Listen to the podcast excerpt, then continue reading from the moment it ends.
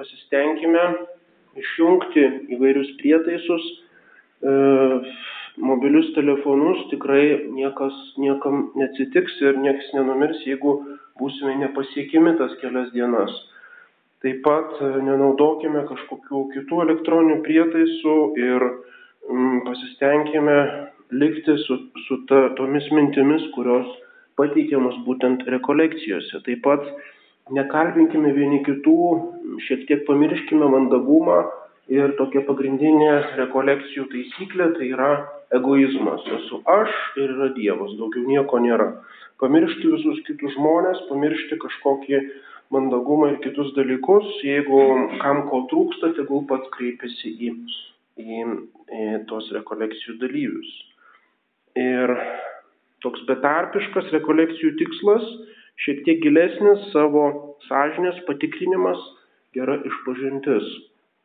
Taigi apmąstymai taip pat veda prie to, kad susimastyt, kam tos gavėnios, kam tas Jėzaus Kristaus kryžius, kam tas kryžiaus kelias, mišios ir visa kita, kad išganyt mano sielą, kad išgelbėt mane nuo nuodėmių. Tam Jėzus Kristus pralėjo savo kraują ir mes trokštame gauti tų Jėzaus kančios vaisių, Dievo gailestingumo malonę šituo ypatingu gavėnios laiku, kad kada bažnyčia visoje savo liturgijoje būtent mini Jėzaus kančią ir mirtį, šiek tiek daugiau laiko skiriame tam, kad prisiminti savo nuodėmingumą, kad sužadinti tikrą antgamtinį gailestį, išpažinti savo nuodėmes. Nes tai yra pagrindinis dalykas išpažintyje. Kas tai yra išpažintis? Tai yra išpasakymas per kunigą Dievui savo nuodėmių. Ir esminis dalykas išpažintyje tai yra gailestis už, už nuodėmės. Ir kaip dažnai mes to gailesčio neturime. Tiesiog pasakome, kadangi tokia kaip apeiga ar pareiga, pasakome savo nuodėmės, bet gailestis taip ir neatsiranda. Ir kaip sako kažkas iš šventųjų, jeigu nesigaili dėl nuodėmių, tai bent gailėkis, kad nesigaili. Bent dėl to gailėkis, kad dar nesuvoki nuodėmės blogumo, nesuvoki, kad ta nuodėmė greuna visą tavo būties prasme ir kad jinai sužeidžia Jėzų Kristų, tavo išganytoją ir kad dėl tos nuodėmės jam reikėjo pralieti savo kraują. Tai yra esminė mintis. Ir būtent tam, kad sužadinti šiek tiek tokio gailėšio, tai būtų aukščiausias pasiekimas šitose gavėnios rekolekcijose, jeigu tos visos mintis, tos vietos iš Evangelijos, kuriuose apmastome Jėzaus Kristaus kančią, jeigu jos bent šiek tiek sužadintų to gailėšio. Aš noriu kažką pakeisti šiek tiek savo gyvenime. Taigi išpažinimas nuodėmio, paskui gailestis už nuodėmės, o paskui pasiryžimas daugiau nenusidėti ir kažką pataisyti savo gyvenime. Ir šitai rekomenduojame visiems gavėnios, ne tik tai rekolekcijų dalyviams, apskritai tokį gavėnios pasiryžimą. Kažką tai pakeisti, minimaliai reformuoti. Nejaugi aš esu toks iš viso iš gelžbetonio luito, kad nie vieno centimetro negaliu nieko pakeisti savo gyvenime. Žinoma, reikia keisti tai, kas yra man aktualu. Tas, kas e, du kartus per metus išgeria šiek tiek alkoholio, tai tam nereikia daryti pasiryžimo, kad nuo šiol dabar jau nešitų nie lašelio alkoholio. Čia būtų pasiryžimas toje vietoje, kuri man neaktuali. Jeigu aš turiu problemų su alkoholiu, tada būtent tai yra pats geriausias pasiryžimas - susilaikyti nuo šito bent gavėlios laikų. Taigi turime kiekvienas matyti tą temą ir tą sritį, kuri man yra aktualiausia, kur mano yra Achilo kulnas, mano silpnoji vieta. Ir į šitą vietą daugiausiai sutelkti, sutelkti dėmesio, galbūt paklausti kunigo patarimo būtent šitų pokalbių metu. Ir būtent dėl to dalyko sužadinti gailestį ir kažkokį tai pasiryžimą. O gal galiu kažką padaryti. Tarkim, santykiuose su kitais žmonėmis. Galbūt yra pastoviai nuodėmės prieš mano luomo pareigas, prieš teisingumo pareigas. Galbūt nusižengiu artimo meilės santykiuose su kitais. O kaip yra mano maldos gyvenimas? Galbūt iš vis jam neskiriu laiko. Nes apetitas atsiranda bevalgant. Jeigu aš nesimeldžiu ir nemastau apie Dievą, tai ir pamirštu iš vis negalvoju ir man tada jis yra nuobodus, tolimas, nepažįstamas ir nereikalingas. E, galbūt yra saikingumo klausimas valgyje, gėrime arba ypač informacijos naudojime. E, tiek daug žmonių dabar ryja didžiuliais kiekiais informaciją, kuri yra beprasme, žalinga ir tik tai užteršia sielą, o galbūt per mažai geros informacijos, tai yra gero skaitimo ir taip toliau. Šitose rekolekcijose jau ir tai bus pakankamai medžiagos per tas visas paskaitas ir todėl nereikia įkniupti kokį nors gilų skaitimą, ypač vakare reikia išsimiegoti, palsėti, jeigu geras oras šiek tiek pavaikščioti. Taigi nebūtinai imtis kažkokių gilių lektūrų, Tačiau jeigu kas norite, čia yra šventasis raštas, yra Kristaus sėkimas. E, Kristaus sėkime yra skyrius apie karališką į kryžiaus kelią, tai yra nuostabiausi apmąstymai būtent šitom gavėnios tema ir taip pat Evangelijos. Kaip žinome, visų keturių Evangelijų paskutiniai skyriai yra skirti Kristaus kančiai, Kristaus kančios apmąstymui. Ir būtent tuos skyrius žinoma, galima ramiai paskaityti. Rekolekcijos, rekolekcijų temos, kaip, kaip pastebėsite, yra paprasčiausiai tai, ką skaitėme Evangelijoje. Taigi, evangeliniai, Evangelijos istorija apie nuo paskutinės vakarienės iki Kristaus nukryžiavimo. Taigi, rekolekcijos praktiškai yra tai, ką būtent bažnyčia vadina lekcijų divina, dieviškas skaitimas. Tai yra, kada mm, skaitau dievišką tekstą su Dievo pagalba, su Dievo malonė. Tai yra švento rašto tekstas, tai yra pasakojimai apie pačius svarbiausius mūsų tikėjime dalykus, šitas paslaptis ir E, tą tekstą reikia skaityti ne kaip romaną, ne kaip kažkokį įdomų istorinį dokumentą, bet kaip Dievo žodį. Ir štai tokio pagarbaus, pamaldaus, kontemplatyvaus skaitimo šiek tiek ir moko rekolekcijos. Taigi šitos rekolekcijos jos prabėgs kaip, kaip viena minutė, čia kelios dienos, šeštadienis, sekmadienis, tačiau tai yra kvietimas pratesti jas. Taigi tai, ką darome per rekolekcijas, mes turėtume, tai rekomenduojama, pratesti vėliau grįžus namo. Žinoma, negalėsime išlaikyti tylos, neturėsime tiek laiko. Tačiau kiekvienas turime Naująjį Testamentą. Galima šiek tiek paskaityti iš to Naujojo Testamento, pasigilinti kiekvieną žodį, kiekvieną sakinį, ką, ką tai reiškia, paskaityti komentarus tam, tam sakiniui. Galbūt niekad ne, ne, ne, nepasigilinome į tai, o galbūt yra kokia nors E, knyga, kuri giliau tai paaiškina. Toliau apmąstymas. Apmąstymas, žinoma, yra rekolekcijose, tačiau brolyjos trečio ordino nariai, jie įsipareigoja atlikti pagal galimybės kasdien apmąstymą, bet ir visiems kitiems rekomenduojama susim, tiesiog pagalvoti, o gal verta, nes kas tai yra apmąstymas, tai ne kažkoks e, super mystikams, vienuoliams skirtas užsiemimas, bet tai yra tiesiog malda. Mąstymas yra vidinė malda.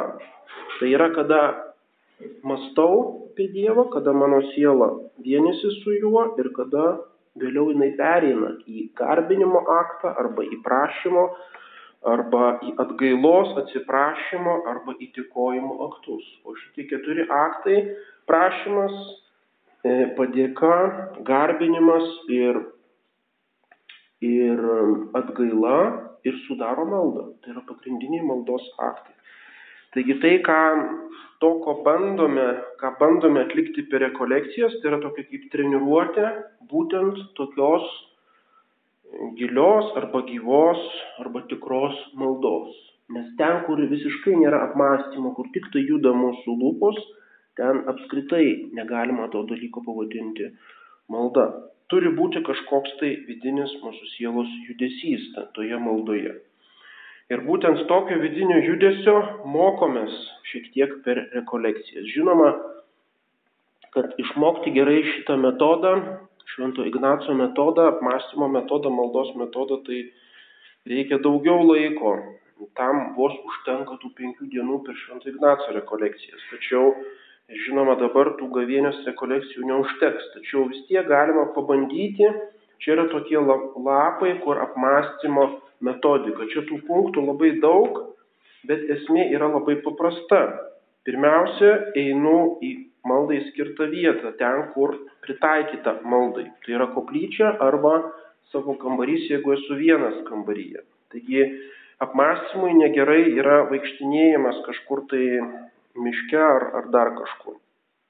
Toliau pagarbinimas Dievo, prisiminti Dievo buvimą. Dievas yra čia.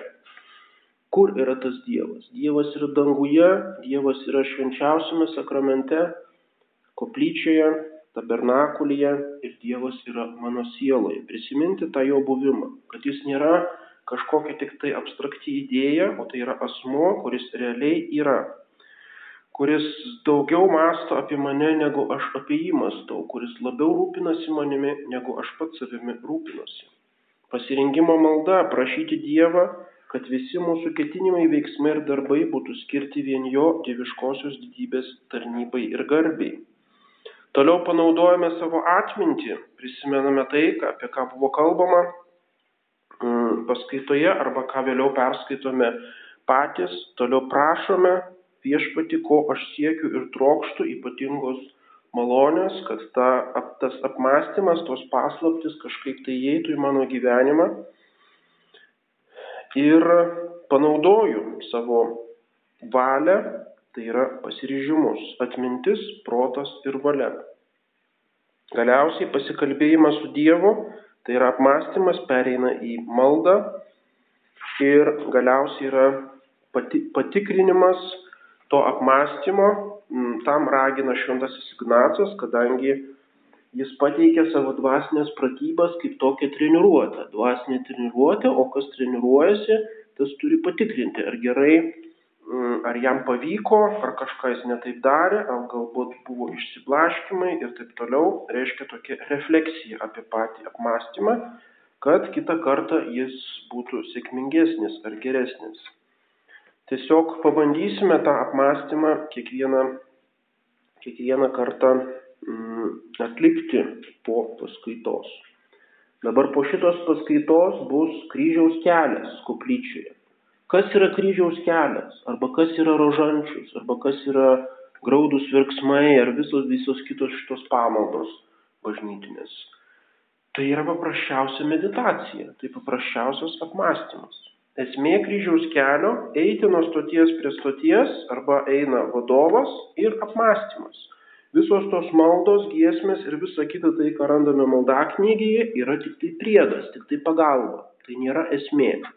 Taigi kryžiaus kelio esmė ne atkalbėjimas kažkokių tekstų arba rožančiaus esmė ne sukalbėjimas tam tikro kiekio poterių ir, ir um, perskaitimas tos įžangos, bet yra mąstymas. Tai yra vidinis veiksmas, vidinis aktyvumas mano sielai. Tai yra, tai yra esmė turiu mąstyti apie Kristaus nuteisimą, pas pilotą mąstyti apie jo kryžiaus kelią, mąstyti apie jo e, puolimą tame kryžiaus kelyje, apie jo nukryžiavimą, mirtį, palaidojimą ir visas tas paslaptis. Jos turi įeiti į mano pirmiausia mintis, mano galvą, paskui aš turiu suvokti jų vidinę dvasinę, dvasinę prasme, jos turi ateiti į mano širdį, mano sielą ir paskui turi paveikti mano valią, mano pasiryžimus, o pasiryžimas yra, kaip sakėme, bent šiek tiek pataisyti savo nuodėmingą gyvenimą, nors šiek tiek atsikratyti šitų nuodėmių. Tai yra esmė visų, visų šitų maldų. Taigi tai, ką mes darysime tose gavėnios rekolekcijose, nėra kažkokie ypatingi dalykai, kurie visiškai egzotiški tik tai rekolekcijų laiku, dabar atbūsim kažkaip tai pabandymui, bet čia neskirta paprastam mirtingajam, aš vis tiek grįžtu namo paskui ir viskas vėl teka sena vaga. Ne, tam mes ir darome rekolekcijos, kad po rekolekcijų taip pat prisimintume, kad mišios yra ne tik tai sekmadienį, bet pagal galimybės yra ir šakedieniais mišios, paskui yra rožančius, kuris galėtų būti netgi kasdien kalbamas. Toliau yra kryžiaus kelias, kurį galima apeiti kiekvienoje atidarytoje bažnyčioje. Kabo ant sienos 14, ant sienų 14 stočių. Toliau, kaip kalbėjome, apmąstymas, kuris nebūtinai pusę valandos, kaip rekolekcijose, gali būti ir 15 minučių apmąstymas. Bent kartas nuo karto. Paskui ryto ir vakaro malda. Malda prieš valgį ir po valgio. Dvasinis skaitimas. Valgio metu klausysimės E, skaitimo. Tai yra tam tikrų skaitomų tekstų, bet tai yra tik priminimas, nebūtinai to namie daryti, bet priminimas, kad mums patiems reikia irgi kažką tai reguliariai dvasinio skaityti. Tai yra kaip maistas mūsų sielai. Taigi visa tai, kas yra rekolekcijose, yra ne kažkokios išimtiniai dalykai, ne kažkokia egzotika, bet kasdienė duona mūsų dvasinio gyvenimo, kasdienė duona. Ir tiesiog e, tai yra kaip treniruotė, pramoko, pramoko tų esminių tokių žingsnių arba aktų dvasinėme gyvenime, kad paskui pabandytume juos patys daryti. Ir žinoma, gavėnė tai yra pagrindinis toks geriausias laikas tam.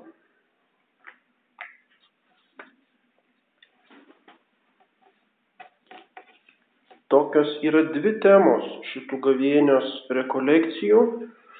Tai yra Kristaus kančios pagrindinės, e, pagrindinės paslaptis, kaip sakėme, nuo paskutinės vakarienės iki nukryžiavimo ir palaidojimo. Ir kita tema tai yra šventosios mišios. Kadangi kas tai yra šventosios mišios, ne kas kita, kaip tos kryžiaus aukos sudabartinimas arba atnaujinimas. Tai yra ne kažkokios dvi skirtingos temos, bet praktiškai viena tema, kuri turi kaip dvi medalio pusės.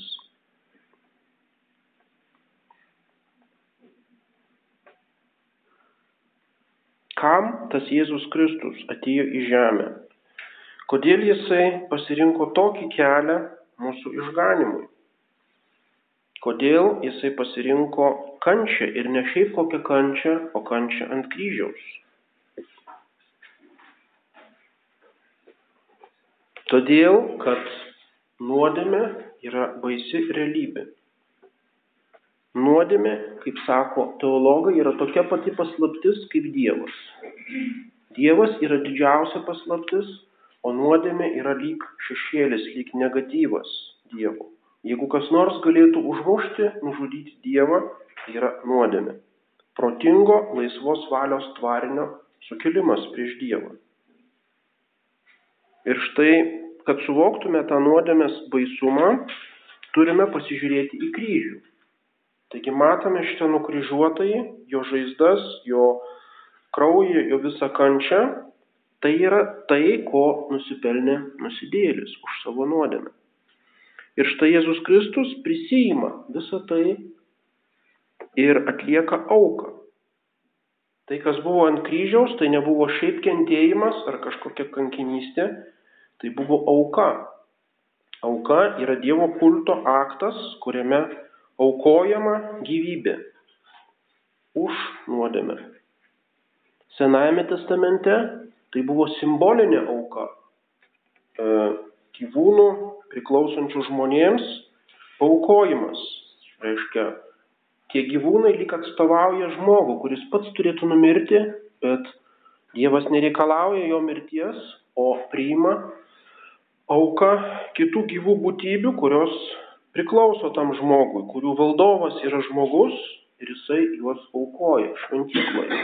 Tai buvo Senojo testamento aukos. Ir tada Naujame testamente sakoma, argi gali veršių ir avių kraujas nuplauti žmogaus nuodėmis. Tos aukos neužteko. Ta auka buvo tik tai tam, kad žmogus sužadintų gailestį, kad jis suvoktų savo nuodėmingumą ir kad lauktų išganytojo. Ir štai Naujojo testamento auka, Jėzaus Kristaus auka ant kryžiaus. Jis pats buvo kunigas, aukotojas ir jis pats buvo aukos avinėlis. Tačiau Jėzus Kristus norėjo, kad ta kryžiaus auka taptų prieinama visų laikų, viso pasaulio žmonėms ir tam įsteigė kitą auką, kuri yra iš esmės ne kita, o ta pati auka, tik tai sudabartinama ir pritaikoma visais laikais, tai yra šventosios mišios. Aukščiausias katalikų kulto aktas. Šventosios mišios, kuriuose randasi Jėzus Kristus kaip po eucharistiniais pavydalais, tai yra Eucharistijos sakramentas arba komunijos sakramentas, kad galėtume jį garbinti čia esantį po perkeitimo mišių, miš, mi, mišių metu ir kad galėtume jį priimti komunijoje kaip dvasinį maistą. Tai yra didžiausios paslaptis katalikiškos liturgijos, šventosios mišios. Kas tai yra? Mums neužtektų ne tik, šitų rekolekcijų, ne tik penkių dienų rekolekcijų, viso gyvenimo mums neužtektų, kad išaiškint ir suvokt, kas tai yra šventųjų mišių auka. Ir tam yra per tas rekolekcijas sugretinama kryžius, Kristaus kančia ir mišios. Mąstysime ir apie vieną, ir apie kitą, tam, kad dalyvaudami sekmadienio mišiose ar šiaip mišiose pagalvotume, kur aš čia dalyvauju. Ar kažkokiame tradicinėme susibūrime krikščionių, kuris tiesiog, kad pasibūt ir kažkaip tai kažkokią tradiciją atlikti apeiką susirinko, ar aš dalyvauju su dabartinime Kristaus aukos, jo kraujo pradėjime už mano nuodėmes, už mano konkrečias nuodėmes. Ar aš suprantu, kad nuo to altoriaus, kaip ir nuo kryžiaus, plaukia į mane visos malonės, be kurių aš amžiams pražūčiau iš to Euharistijos sakramento, iš tų šventųjų mišių, kaip iš šaltinio, teka visi kiti sakramentai, visos bažnyčios malonės.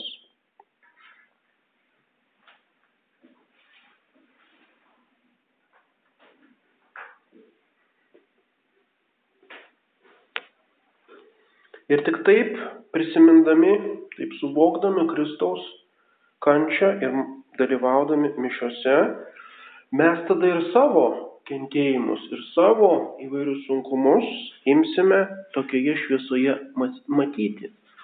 Kaip atgailą už savo nuodėmes ir kaip auką, kaip prisidėjimą prie savo mažos aukos, nedidelės aukos prijungimą prie didžiosios Jėzaus Kristaus aukos. Ir tai yra krikščioniško gyvenimo esmė, tai yra tikrai giliausia paslaptis ir koncentratas. Palyginkime krikščionybę ir budizmą.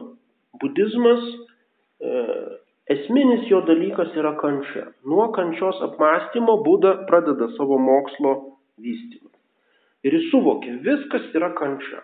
Buda pamato seną einantį žmogą, kuris vos paeina, mato ligonį, mato vargšą, mato kaip ten dar yra toje legendoje apie, apie būdą, mato tos visus kančios. Ir tada aš esu princas, sako, aš esu karaliaus rūmose, nemačiau viso to gyvenimo, bet dabar aš suvokiu, visas gyvenimas yra kančia. Ir tada visa jo filosofija, visas mąstymas, kuriuo remiasi e, visas rytų, rytų mąstymas, yra kaip nuo tos kančios pabėgti, kaip tą kančią reiškia tą kančią suvokti kaip iliuziją iš esmės, arba kaip nuo tos kančios išsivaduoti, vengiant kažkokių tai klaidingų e, savo proto sprendimų ir taip toliau. Ta kančia yra absoliutus blogis, nuo kurio žmogus tik tai bando kažkaip tai save apgauti ir nuo jo išsivaduoti. Ir kas išsivaduoja, tas jau patenka į nirvaną. Palyginkime su krikščionybė kuri tiesiog kaip šviesmečiais lenkia šitą mąstymą, kur sako, nepabėgsi tu nuo tos kančios. Kančia nėra iliuzija, kančia yra realybė, nes kančia yra bausmė už, už žmogaus nuodėmes. Ir tu, kaip tu ten bemedituotum ir ko, kokiam užsimtum, reiškia, triukais, tu nuo tos kančios nepabėgsi ir nei į jokį nirvaną neišeisi.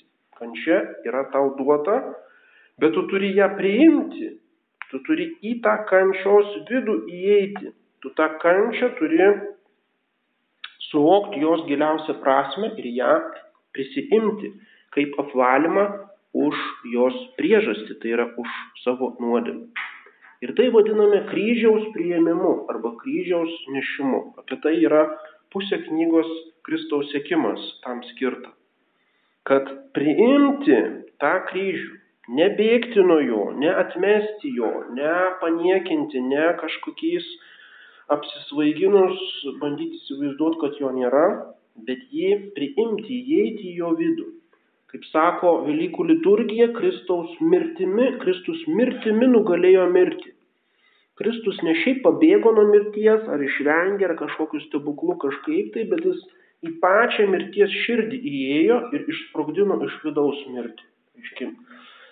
Savo mirtimi nugalėjo mirtį, kad mirtis prarastų savo gelonį ir nebegalėtų, e, nebeturėtų valdžios žmogui, bet kad žmogus prisikeltų amžinajam gyvenimui. Ir taip kančia nugalėti kančią, įeiti į kančią, suvokti tos kančios prasme, įprasminti ją, prisiimti kaip apvalymą už savo nuodėmes, atgailą už savo nuodėmes, kaip vienymasi su Kristaus kančia, kaip kartu nešimą su jo, su juo kryžiumi. Taip kaip tas Juozapas iš Kirėnės, kuris labai nenorėjo ir spiriojasi, romėnų kareiviai jį pagavo ir sako, tu dabar turėsi padėti šitam nazariečiui nešti kryžių. Ir jis iš pradžių labai nenorėjo, jam buvo gėda ir ką aš čia turiu vargintis, neturiu laiko ir taip toliau. Bet neždamas tą kryžių jis gavo šitą malonę, suvokė, kam visa tai yra ir noriai nešė Jėzaus kryžių. Šita kryžiaus kelio stotis būtent tą primena tiesą, kad e, ir tai yra pats sunkiausias dalykas galbūt dvasiniam gyvenime. Kai užeina ta kančia, tai viską pamirštam, ką girdėjom visose rekolekcijose ir ką visur skaitėm, viskas kažkaip staiga išnyksta. Pradeda skaudėti dantį, tarkim, bukas, tiesiog gyvuliškas skausmas ir viskas. Ir tada viskas dinksta, viskas propuola visos filosofijos.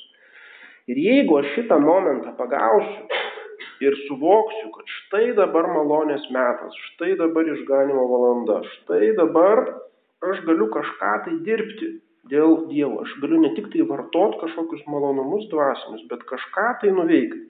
Dėl savo, o galbūt ir dėl kitų išganimų aš galiu iš tikrųjų vienyti su kryžiumi. Jau, dabar Dievas į mane žiūri ne kaip į mažą vaiką, kuriam duoda kažkokias tik tai pagodas, bet leidžia man iš tikrųjų dalyvauti toje aukoje. Ir jeigu aš visą tą savo kentėjimus ar sunkumus, kurie atrodo galbūt labai absurdiški ir nereikalingi ir, ir beprasmiški ir taip toliau, jeigu aš juos išmokstu vienyti su kryžiumi, su Kristaus auka ir vienyti su šventosiomis mišiomis, paukoti šventosiuose mišiuose, tai jau aš pasiekiau, galima sakyti, viršūnę dvasinio, dvasinio tobulėjimo šitoje žemėje.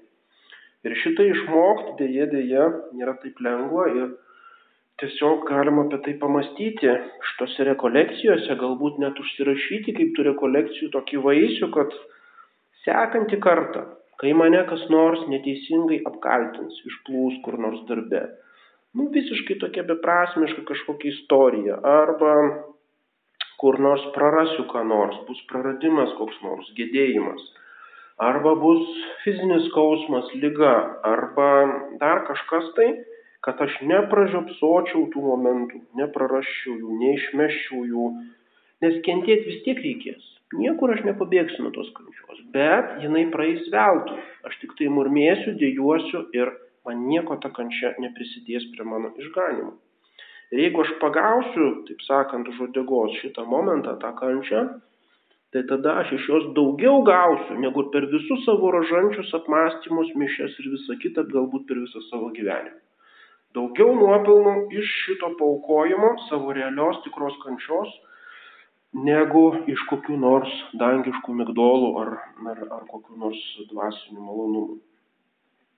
Tai yra esmė. Tai kaip sako šventieji, gali kentėti, visi turi kentėti. Nėra žmogaus, kuris gyvenime būtų be kančios. Ir nuo kenčios nieks, niekas ne, nepabėgs. Ir turi, tik tai turi pasirinkimą. Trijų kryžių. Yra trys kryžiai. Kaip žinome, ant Galgotos kalno buvo Jėzaus Kristaus kryžius, dešinėje buvo gerojo latro, to plėšiko kryžius, dizmo, o kairėje buvo gezmo blogojo plėšiko. Ir štai visi trys kenčia ir trys kryžiai. Ir tai yra mūsų pasirinkimai. Vieną iš jų galime pasirinkti, kurį norime. Vieni arba dauguma pasirenka gezmo kryžių.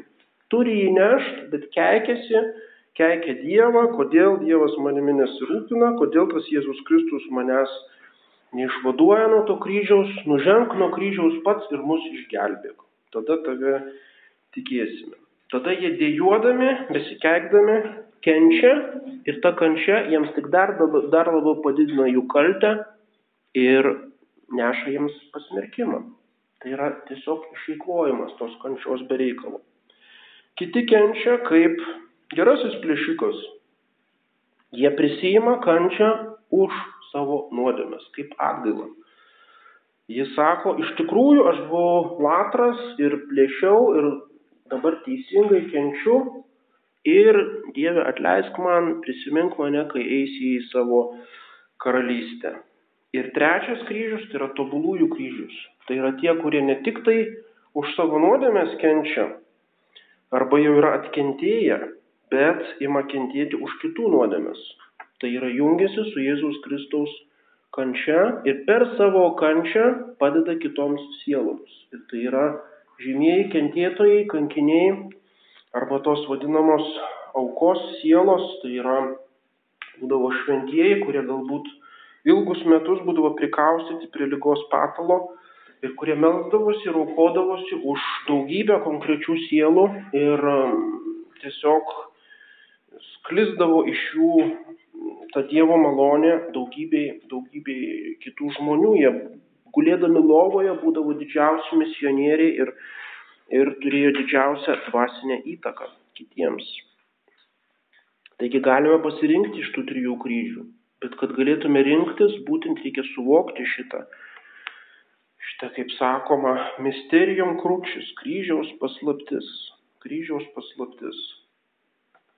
Šitos paslapties gelme geriausiai buvo suvokęs apaštalas Paulius, kuris džiaugiasi dėl savo kentėjimų.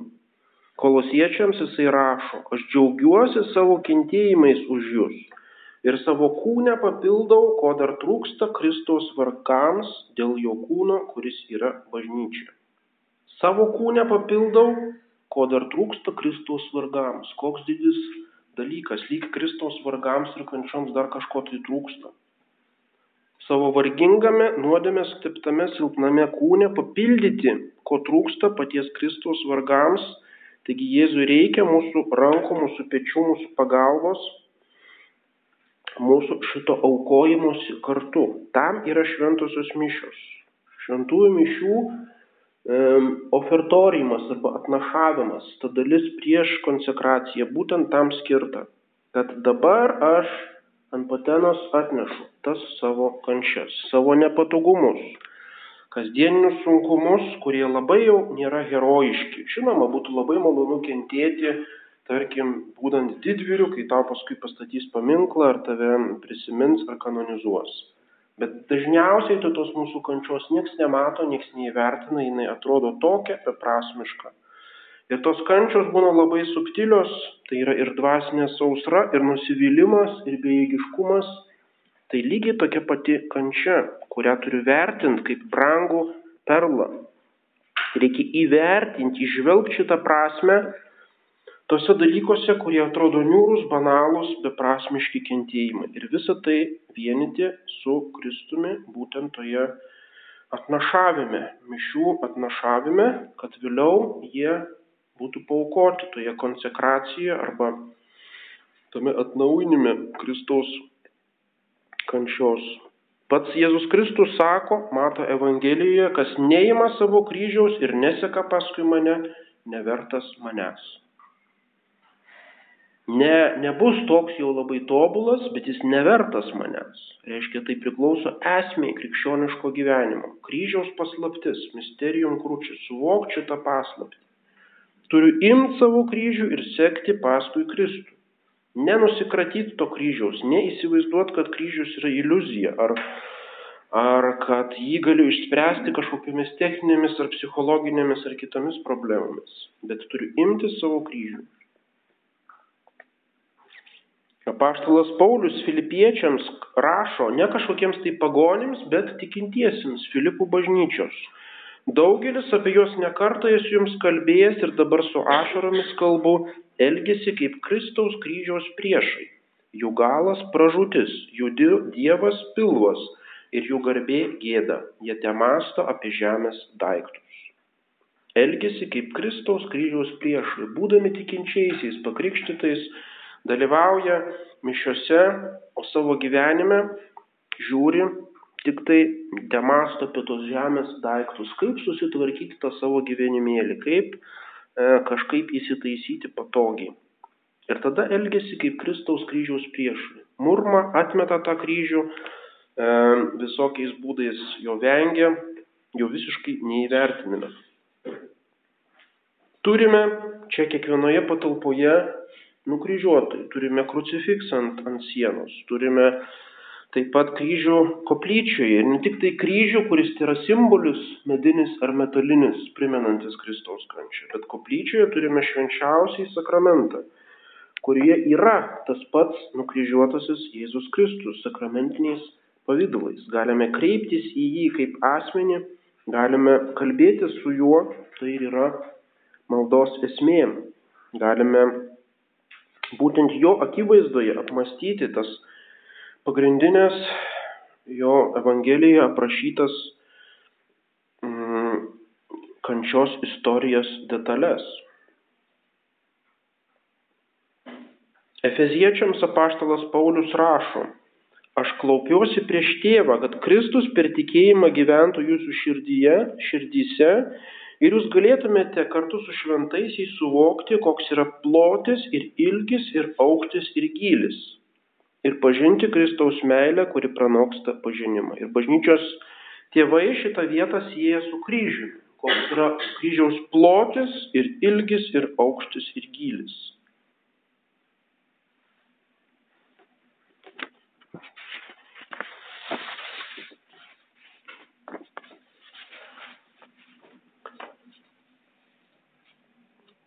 Taigi mąstymas tai, ką mes darome, nėra kažkokios tik tai vaizduotės pratybos ar bandymas kažkokius paveikslėlius savo galvoje susikurti ar kažką pamaldžiai pamastyti tik tai, kad e, pasijustume dvasingi, bet tas mąstymas turi būtent įtakot mūsų gyvenimą. Ir todėl Šventas Ignacas savo rekolekcijose taip labai pabrėžia, kad apmąstymas tai nėra vien proto pratybos, tai yra ir valios veiksmas. Aš turiu prašyti tų malonių, kurių man reikia, aš turiu kažką tai keisti, aš turiu, jie turi motivuoti mane tam tikram veikimui savo gyvenime.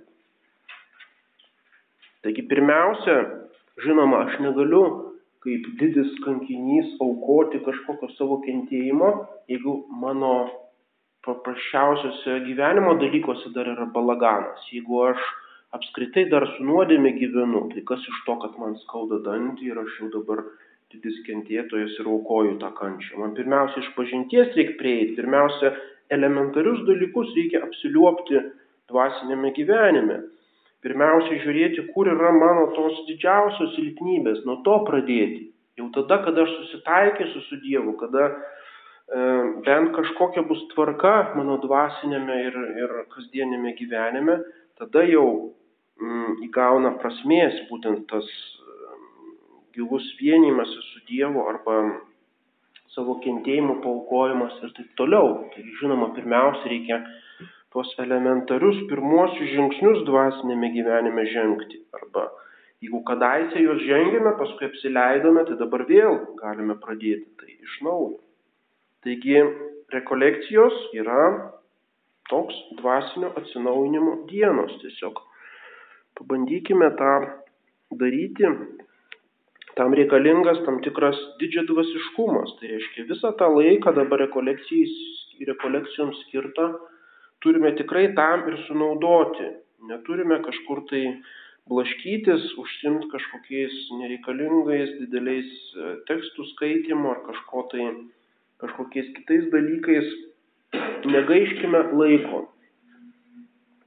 Brangus laikas žinoma neperstempiant normaliai dalyvaujant ir tikrai didžiadvasiškai išgaukime visą naudą taip kaip bitė kuri nutupia ant žiedo nu tol nenuskrenda kol tikrai viso nektaro nesurenka nešvaistykime tų malonių kurias tikrai dievas yra paruošęs toms rekolekcijoms kiekvienam iš mum iš mūsų specialią rekolekcijų malonę Štai dabar išganimo valanda. Dabar Dievas nori mums kažką tai pasakyti, nori mus pakeisti. Ne rytoj, ne poryt, ne kai atsipūsime po rekolekcijų, bet dabar panaudokime visas tas minutės. Dabar eisime į koplyčią ir bus kryžiaus kelias.